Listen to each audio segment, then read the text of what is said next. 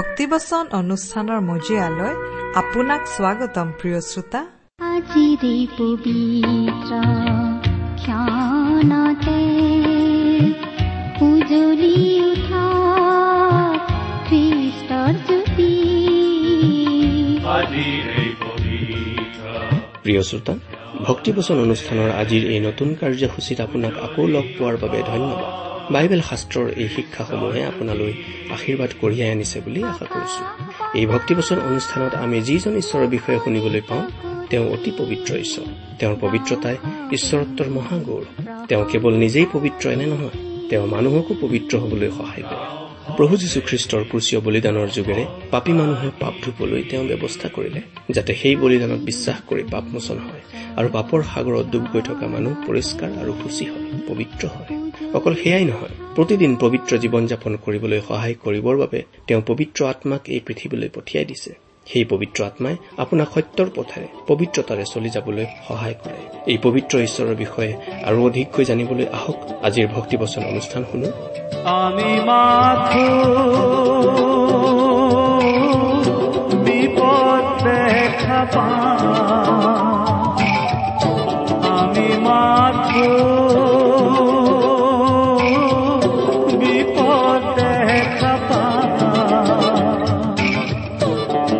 অতি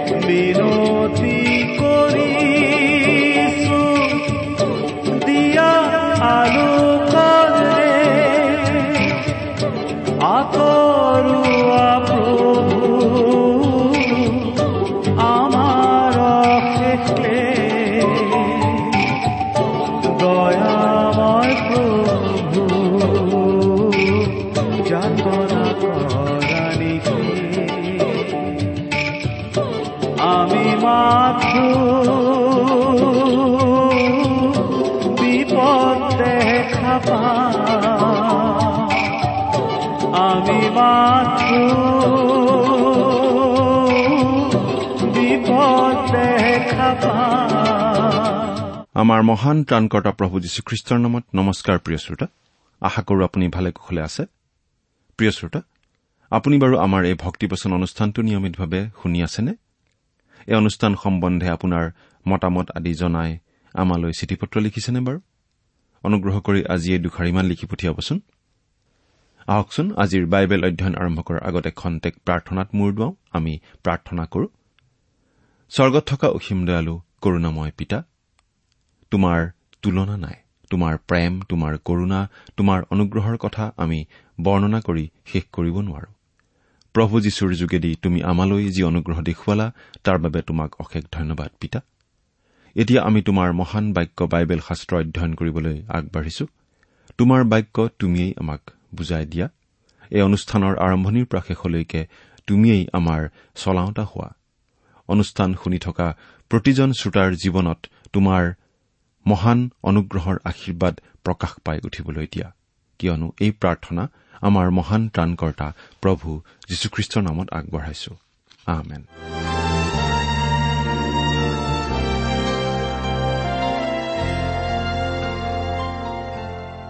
প্ৰিয় শ্ৰোতা যদিহে আপুনি আমাৰ এই ভক্তিপোচন অনুষ্ঠানটো নিয়মিতভাৱে শুনি আছে তেনেহলে আপুনি নিশ্চয় জানে যে আমি এতিয়া বাইবেলৰ পুৰণি নিয়ম খণ্ডৰ জিহিচকেল ভাৱবাদীৰ পুস্তক নামৰ পুস্তকখনৰ অধ্যয়ন আৰম্ভ কৰিছো।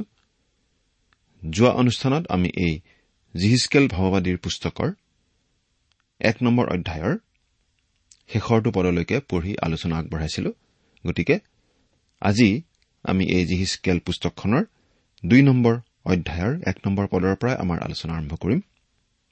আমি বিশেষকৈ এই কথাটো পাই আছো প্ৰথম অধ্যায়ত পালো যে জিহিচকেল ভাৱবাদীয়ে এটা দৰ্শন পাইছিল। সেই সময়ত ইছৰাইলীয়া লোকসকল বাবিল দেশত বন্দী অৱস্থাত আছিল আৰু সেই সময়তেই জিহিচকেলে এটা ঈশ্বৰীয় দৰ্শন পাইছিল। প্ৰিয় শ্ৰোতা জিহিচকেলৰ জীৱনত ডাঙৰ কথাটো আছিল যে তেওঁ ভাৱবাদীৰ কাৰ্য কৰাৰ পূৰ্বে প্ৰভুৰ আত্মা তেওঁত প্ৰৱেশ কৰিছিল। বাস্তৱিকতেই প্ৰিয় শ্ৰোতা আজিৰ আমাৰ সময়ৰ পৰিচৰ্যাকাৰীৰ এইটোৱেই আটাইতকৈ ডাঙৰ অভাৱ। ঈশ্বৰৰ আত্মা বা পবিত্ৰ আত্মাৰে পৰিপূৰ্ণ নোহোৱাকৈ কোনেও আচলতে প্ৰভুৰ কাম কৰিব নোৱাৰে। পবিত্ৰ আত্মাৰে পৰিপূৰ্ণ হোৱাৰ পাছত জিহিচকেল এতিয়া তেওঁত ন্যস্ত কৰা কামৰ কাৰণে প্ৰস্তুত আছিল আৰু আমি দেখিবলৈ পাম তেওঁক বৰ কঠোৰ পৰিচৰ্যাৰ বাবেই আহান কৰা হৈছে। কাৰণ ঈশ্বৰে তেওঁক নম্ৰলোকৰ ওচৰলৈ পঠাবলৈ আহান কৰা নাই। কিন্তু বিদ্ৰোহীবিলাকৰ ওচৰলৈ পঠাবলৈকেহে আহান কৰিছে। বিদ্ৰোহী মানুহবিলাকে তেওঁৰ কথা শুনিবও পাৰে বা নুশুনিবও পাৰে। সেয়া সুকীয়া কথা। কিন্তু ঈশ্বৰে কবলৈ কোৱা কথা তেওঁ তেওঁলোকৰ আগত কবই লাগে আৰু তেওঁ কবলৈ কোৱা কথা কৈ যাব লাগে। তাকে কৰোতে তেওঁ নিশ্চয় বিপদৰ সন্মুখীন হ'ব। কিন্তু তেওঁ বিদ্ৰোহী মানুহবিলাকক ভয় কৰিব নালাগিব।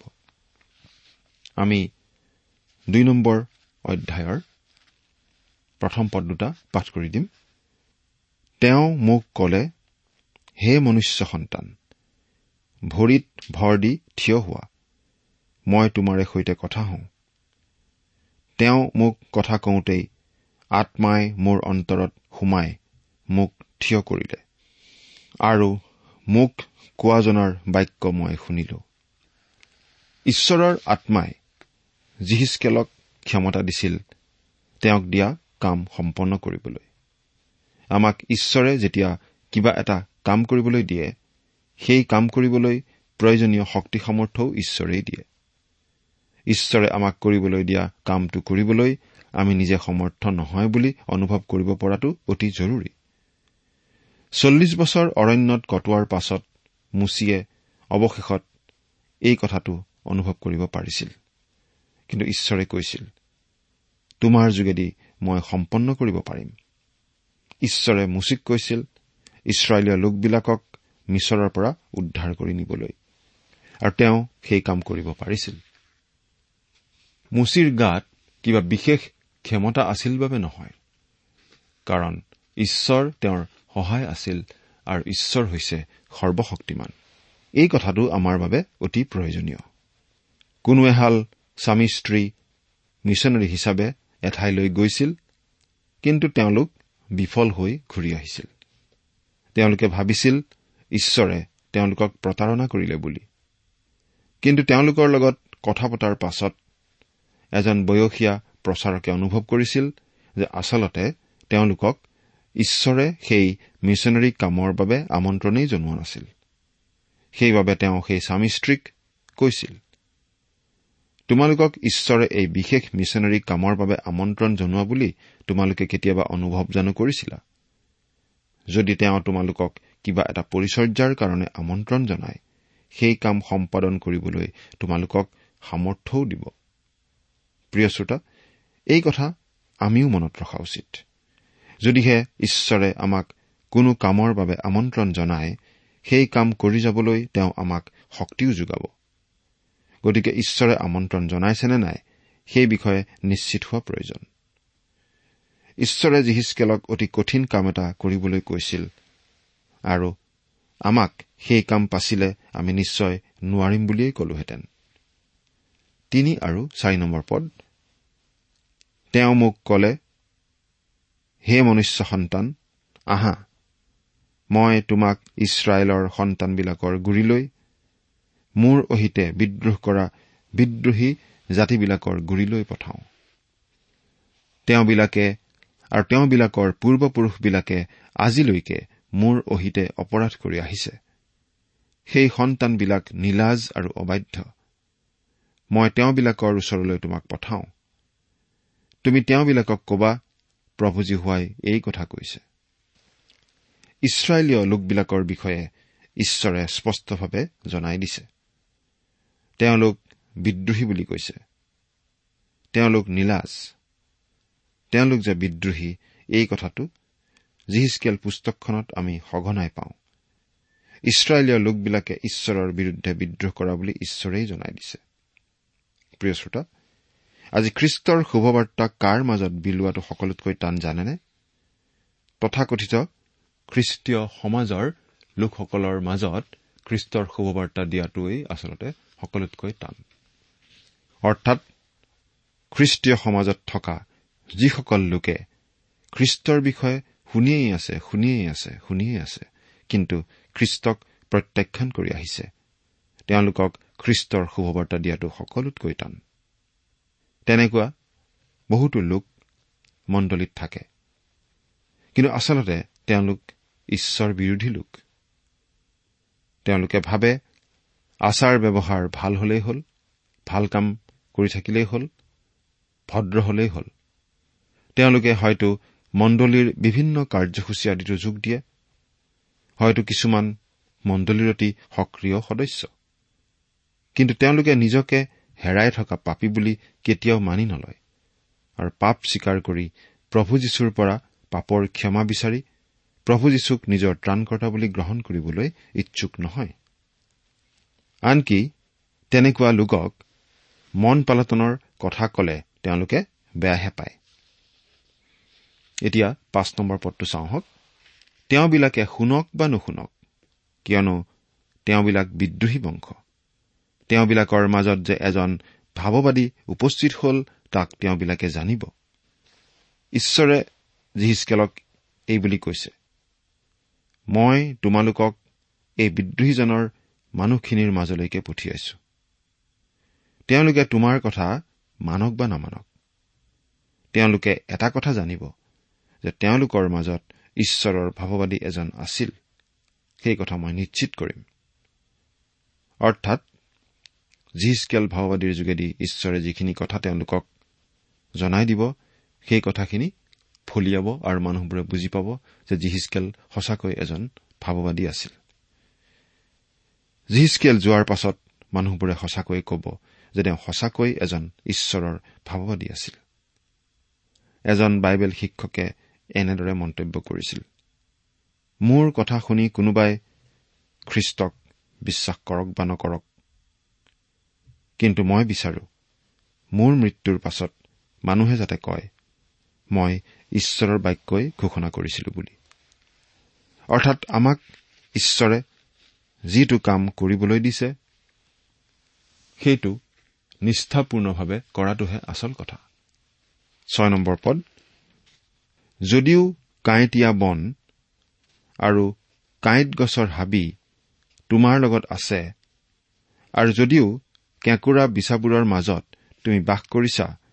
তথাপি হে মনুষ্য সন্তান তুমি তেওঁবিলাকলৈ ভয় নকৰিবা বা তেওঁবিলাকৰ কথালৈকে ভয় নকৰিবা।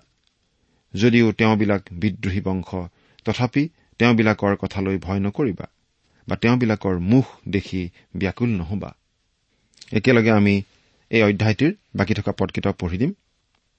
তেওঁবিলাকে শুনক বা নুশুনক তুমি মোৰ বাক্য তেওঁবিলাকক কবা কিয়নো তেওঁবিলাক অত্যন্ত বিদ্ৰোহী। কিন্তু হে মনুষ্য সন্তান তুমি হলে মই কোৱা কথা শুনা। সেই বিদ্ৰোহী বংশৰ নিচিনা তুমিও বিদ্ৰোহী নহবা। মুখ মেলা মই তোমাক যি দিওঁ তাক খোৱা।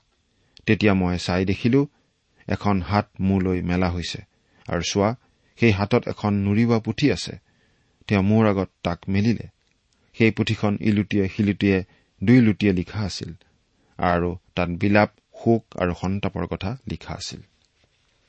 দেখাত জিহিচকেল বিপদলৈ আগবাঢ়ি যাব লাগিব কিন্তু ঈশ্বৰে কৈছে ভয় নকৰিবা।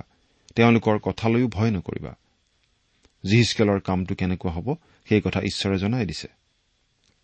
সেই ইছৰাইলৰ লোকবিলাকলৈ বিলাপ শোক আৰু সন্তাপৰ বিষয়ে বিশেষ বাণী তেওঁ বিলাই দিব লাগিব। তিনি নম্বৰ অধ্যায়ত আমি পাওঁ এই কঠিন কামটোৰ বাবে জিহিচকেল তেওঁৰ পৰিচৰ্যা কামৰ বাবে প্ৰস্তুত হোৱা। মিছলীয়া ভাৱবাদীহঁতে মিছাকৈয়ে বাবিলৰ যিহুদীসকল সোনকালে স্বদেশলৈ ঘূৰি যাব পাৰিব বুলি ভাৱবাণী জনাই আছিল। কিন্তু জিৰিমিয়াৰ যোগেদি ঈশ্বৰে আগতেই কৈছিল যে সত্তৰ বছৰৰ পাছতহে তেওঁলোক স্বদেশলৈ ঘূৰি যাবলৈ পাব। আৰু সেই কথাটোকে জিহিচকেলে তেওঁলোকৰ ওচৰলৈ গৈ নিশ্চিত কৰিব লাগে আৰু সেই কথাকে শুনিবলৈ তেওঁলোকে ভাল নাপাব। তাকে শুনি বন্দিত্ব খাটি থকা যিহুদীসকল অধিক বিদ্ৰোহী হৈ উঠিব। এই কাম কৰিবলৈ যাওঁতে তেওঁ ঈশ্বৰৰ বচন ভাল পাব লাগিব। চুবাই চুবাই সেইবোৰ খাব লাগিব অৰ্থাৎ খৰচী মাৰি অধ্যয়ন কৰিব লাগিব। আৰু মন কৰিবলগীয়া কথাটো কি যে জিহিচকেলে বিদেশীসকলৰ ওচৰলৈ গৈ ভাৱবাণী ক'ব লগা নহ'ব কিন্তু বিদ্ৰোহী নিজৰ লোকবিলাকৰ ওচৰলৈ গৈ ভাৱবাণী ক'ব লাগিব। আচৰিত কথা ঈশ্বৰে এনে বিদ্ৰোহী মানুহবিলাকৰ ওচৰলৈ জিহিচকেলক পঠাইছিল যিসকলে তেওঁৰ নিজৰ আৰু জিহিচকেলৰো কথা নুশুনিব। তেনেকুৱা বুলি জানিও ঈশ্বৰে বাৰু জিহিচকেলক কিয় পঠাইছে? সেইদৰে পঠাইছে যাতে এই বিদ্ৰোহী মানুহবিলাকে পাছত প্ৰভুক দুখ ধৰিব নোৱাৰে। আৰু ঈশ্বৰে যে তেওঁলোকে পতিত হোৱাটোক ইচ্ছা নকৰে তাকেই প্ৰমাণ কৰিবলৈ তেওঁ তেওঁৰ মংগলবাণী জনাবলৈ জিহিচকেলক সেই বিদ্ৰোহী স্বজাতিৰ মানুহবিলাকৰ ওচৰলৈ পঠাইছিল। মানুহবিলাক যিমান কঠোৰ আৰু বিদ্ৰোহী তাতকৈও অধিক কঠোৰ আৰু দৃঢ়মনা হবলৈ আৰু নিৰ্ভীকভাৱে তেওঁৰ বাণী দিবলৈ ঈশ্বৰে জিহিচকেলক আদেশ দিছিল।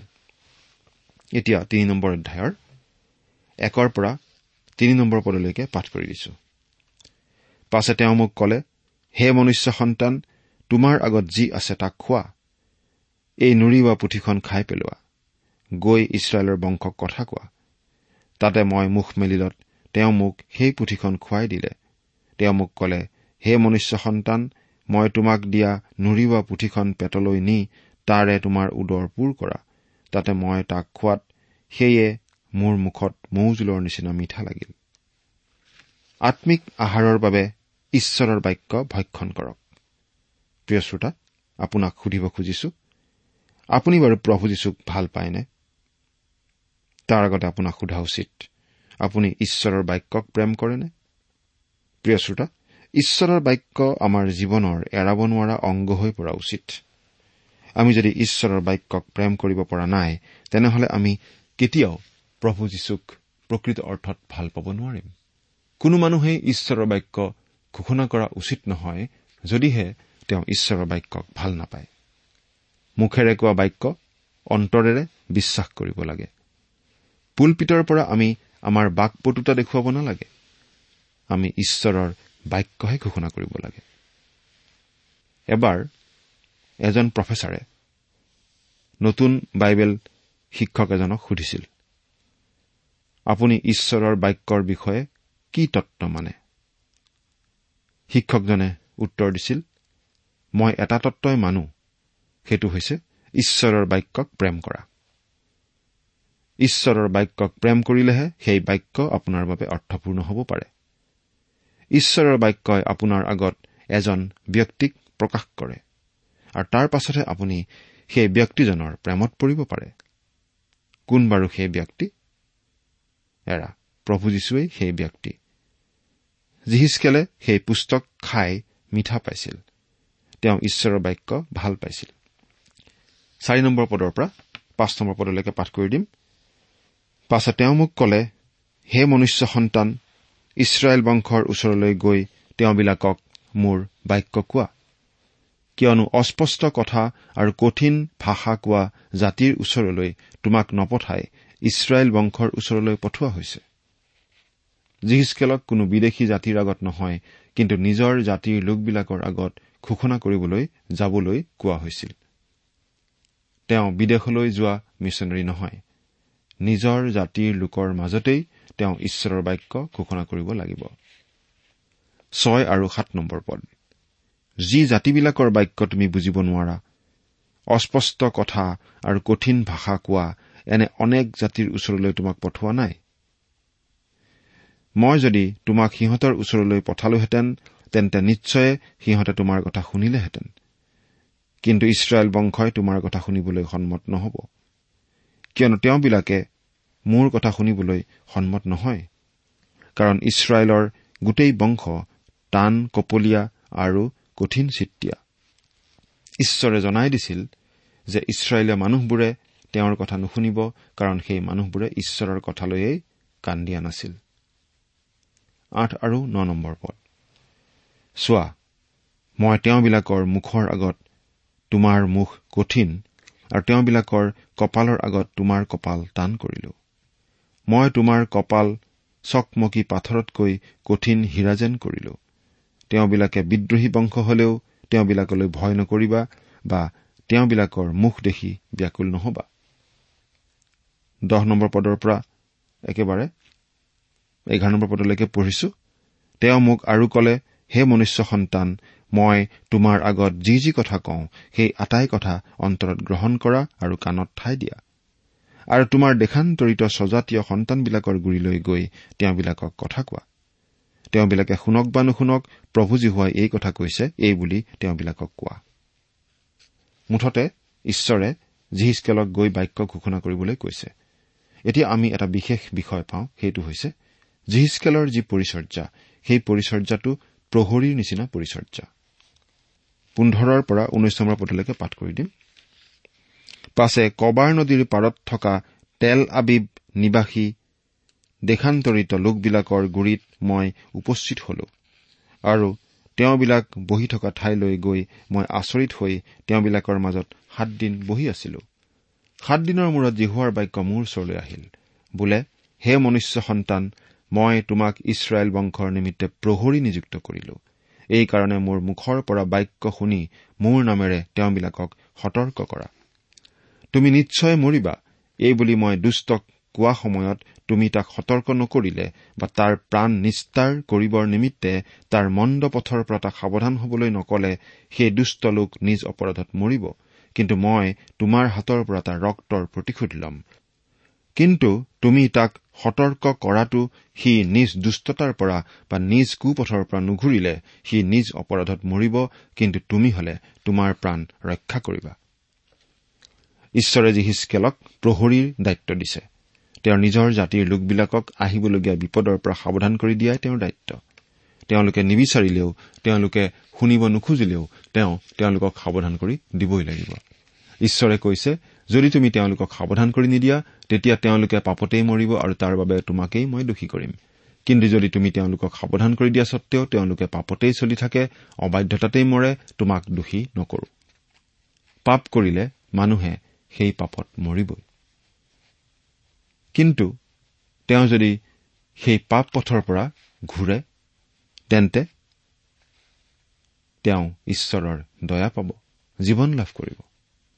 এই কথাকেই জিচকেলে গৈ কোৱাৰ দ্বাৰা প্ৰহৰীৰ কাম কৰা হ'ব। প্ৰহৰীৰ দৰে মৰণৰ পথলৈ অগ্ৰসৰ হোৱা বিদ্ৰোহী লোকসকলক অগ্ৰসৰ হোৱাত বাধা আৰোপ তেওঁ কৰিব লাগে। প্ৰহৰী পতাৰ পাছত যদি জিহিচকেলে প্ৰহৰীৰ কাম নকৰে তেন্তে তাৰ বাবে জিহিচকেলেই জগৰীয়া হ'ব। চাওকচোন প্ৰিয় শ্ৰোতা। দুষ্টৰ মৰণত ঈশ্বৰ কেতিয়াও আনন্দিত নহয়। ঈশ্বৰে যিকোনো প্ৰকাৰে মানুহক সাৱধান কৰি দিব বিচাৰে। এতিয়া আমি অলপ নিজৰ নিজৰ কথালৈকে চাওঁচোন বাৰু। চিন্তা কৰি চাওকচোন। দিনে দিনে কিমান হেৰুৱা আত্মা নৰক অভিমুখে গমন কৰিয়েই আছে। তেওঁলোকৰ বাবে প্ৰহৰী হোৱাৰ যি দায়িত্ব যি দায়বদ্ধতা সেই কথা আমি বাৰু উপলব্ধি কৰিছোনে? আমি প্ৰভু যীশুক জনা প্ৰত্যেকজন লোকেই প্ৰভু যীশুৰ প্ৰহৰী আৰু প্ৰতিগৰাকী হেৰুৱা আত্মাই বিদ্ৰোহী যিহুদী জাতিৰ মানুহবোৰৰ নিচিনা। আমি খ্ৰীষ্টীয় বিশ্বাসী লোক হিচাপে আমাৰ দায়িত্ব বাৰু বুজি পাওঁনে? এই তিনি নম্বৰ অধ্যায়টোত এই কথাও ঈশ্বৰে আমাক শিকাইছে। যে ধাৰ্মিক লোকসকলে যাতে তেওঁলোকৰ ধাৰ্মিকতা ত্যাগ কৰি পাপৰ পথলৈ ওলাই নাযায় তাৰ বাবেও আমি প্ৰহৰী হ'ব লাগে। কাৰণ যদি ওলাই যায় তেন্তে ঈশ্বৰে পাতি থোৱা উজুতি খোৱা মূঢ়াত উজুতি খাই মৰিলে তাৰ বাবেও আমি জগৰীয়া হ'ম। প্ৰিয় শ্ৰোতা জিহিচকেল তিনি নম্বৰ অধ্যায়টো পঢ়ি আমাৰ বাৰু চেতনা জাগি নুঠেনে? আমি যে প্ৰহৰী তাক বুজি পাব নোৱাৰোনে? মনত ৰাখো হওক আমি যেন জগৰীয়া প্ৰহৰী হ'ব লগা নহয়। আমি যাতে নিজৰ নিজৰ দায়িত্ব ঠিকমতে পালন কৰো। কিন্তু তাৰ আগতেই আমি জনা উচিত আমি প্ৰভু যীশুখ্ৰীষ্টত বিশ্বাস স্থাপন কৰি আমি নিজৰ আত্মাৰ প্ৰহৰী হৈছোনে? ঈশ্বৰে আপোনাক আশীৰ্বাদ কৰক।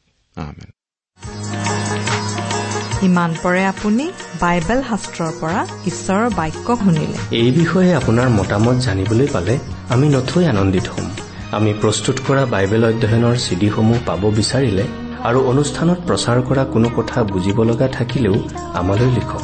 আমাৰ যোগাযোগৰ ঠিকনা ভক্তিবচন ট্ৰান্সৱৰ্ল্ড ৰেডিঅ' ইণ্ডিয়া ডাক বাকচ নম্বৰ সাত শূন্য গুৱাহাটী সাত আঠ এক শূন্য শূন্য এক। ঠিকনাটো আকৌ এবাৰ কৈছো ভক্তিবচন ট্ৰান্সৱৰ্ল্ড ৰেডিঅ' ইণ্ডিয়া ডাক বাকচ নম্বৰ সাত শূন্য গুৱাহাটী সাত আঠ এক শূন্য শূন্য এক। আমাৰ ইমেইল এড্ৰেছটো হৈছে Assamese T TV at the rate radio' eight eight two dot com আমাৰ website W W W dot T W R dot in আপুনি টেলিফোনৰ মাধ্যমেৰেও আমাক যোগাযোগ কৰিব পাৰে। আমাৰ টেলিফোন নম্বৰটো হৈছে nine eight five four zero' four zero' eight eight nine.